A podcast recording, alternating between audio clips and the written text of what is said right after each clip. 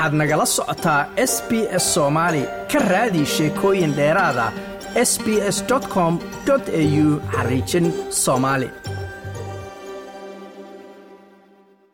kooxaha u ololeeya qaxootiga ayaa ugu baaqaya dowladda federaalka ee dalkan australia inay soo afjarto siyaasadda xeryaha dibadda ee lagu hayo dadka magangelyadoonka ee doonyaha ku yimaada dalkan baaqa ayaa imanaya toban guuradii ka soo wareegatay siyaasaddii dowladdii kevin raad oo lagu xusay dibadbaxyo ka dhacay caasimadaha dalka oo dhan. Dibadbaxayaasha ayaa socod ay kaga soo horjeedaan siyaasadda xeryaha dibadda ee lagu hayo qaxootiga iyo magangelyadoonka ku maray melbourne sydney brisbane perth iyo cambara dibadbaxayaasha oo ay ku jiraan dad u dooda xuquuqul bini'aadanka iyo ururo ay ku jiraan ama ka mid yihiin refugee action collective victoria ayaa ku boorinaya dowladda albanisi ee hadda talada haysa inay arrintan tallaabo ka qaado waxayna kooxahani aaminsan yihiin in dowladda hadda talada haysa ay mas'uuliyadi ka saaran tahay siyaasadihii ay soo rogeen dowladdii leybarka ahayd toban sano ka hor ee uu hogaaminayey kevin raad jane rice oo ah senatarad ka tirsan xisbiga greenka ayaa hadal ay ka jeedisay mid ka mida dibadbaxyadii ka dhacay melbourne. Waxa ay ku sheegtay in haddadan la joogo waqti ku habboon ay tahay in gebi ahaanba la soo afjaro siyaasaddan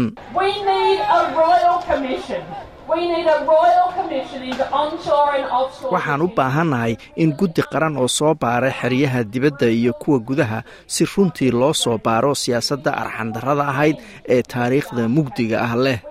Waa inaannu soo afjarno taariikhdan mugdiga ah ayay tiri waa inaannu ogaanno wixii dhacay oo aan u soo afjarno waxno ka baranno. Dad ka badan saddex kun oo qof ayaa lagu xiray dalalka jasiiradaha basifiga tobankii sano ee la soo dhaafay austreeliya ayaa bishii la soo dhaafay dhammaan magangeliyadoonkii ka soo qaaday xerada naaru laakiin xeryahaas maran ayaa sii furnaan doona iyadoo dowladda ay uga baxayso lacag gaaraysaa saddex boqol iyo konton milyan oo dollar sanadkiiba waana arrin ay senatared rice wacad ku martay inay sii wadayso la dagaalankeeda.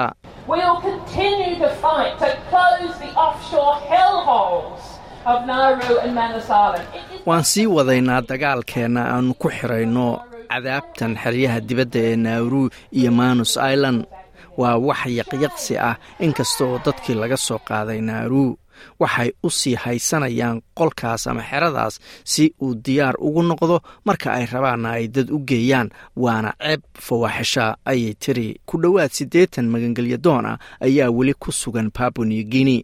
Waxaa sidoo kale xeryaha qaxootiga australia gudaheeda ku jira kun iyo boqol qof wasaaradda arrimaha gudaha dalkan australia ayaa ku celisay in siyaasaddeeda ku aadan magangelyadoonka doonyaha ku yimaada aan waxba iska beddelin taas oo macnaheedu yahay in shakhsiyaadka doonyaha ku yimaada loo wareejinayo araajidoodana lagu qaadayo xeryaha dibadda iyagoo aan la siin doonin fursad ay australia ku soo degaan hase yeeshee dibadbaxayaasha iyo kooxaha u dooda xuquuq bini'aadanka ayaa ku doodaya in nidaamkan uu arxandarro ulakaca ku yahay dad nugul oo ammaano ama amni raadinayay.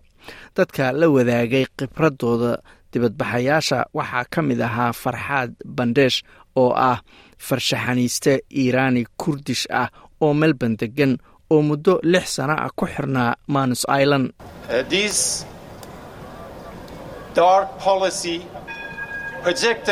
siyaasadahaas mugdiga ah ee lagu fuliyey dad aan waxba galabsan weli way sii socdaan. Waana mid arxandarro ah waa mid taariikhiya. dowladda australia ayaana samaysay. waana wax qaldan. ma nihin dad dembiilayaalah waxaan nahay dad aan waxba galabsan. Dadkaas kale oo bini'aadanka ayaana la mid nahay ayuu yidhi wuxuu hadalkaas kadibna qaaday mid ka mida heeso badan oo uu qoray intuu xirnaa.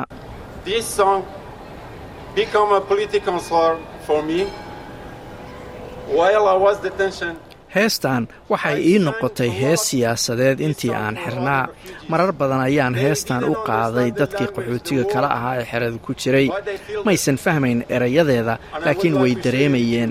Waxaana jeclaan lahaa inaan idinkana idinla wadaago ayuu yidhi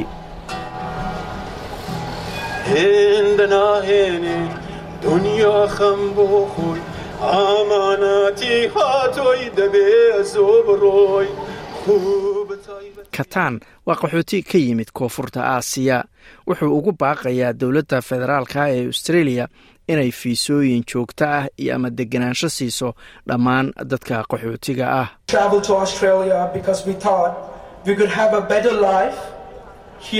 waxaan australia ugu soo safray sababtoo ah waxaan moodayey inaan nolol ka fiican tii hore ka helayo inaan mustaqbal fiican helayo. Laakiin markii aan halkan imid waxay igu ahayd niyad jab.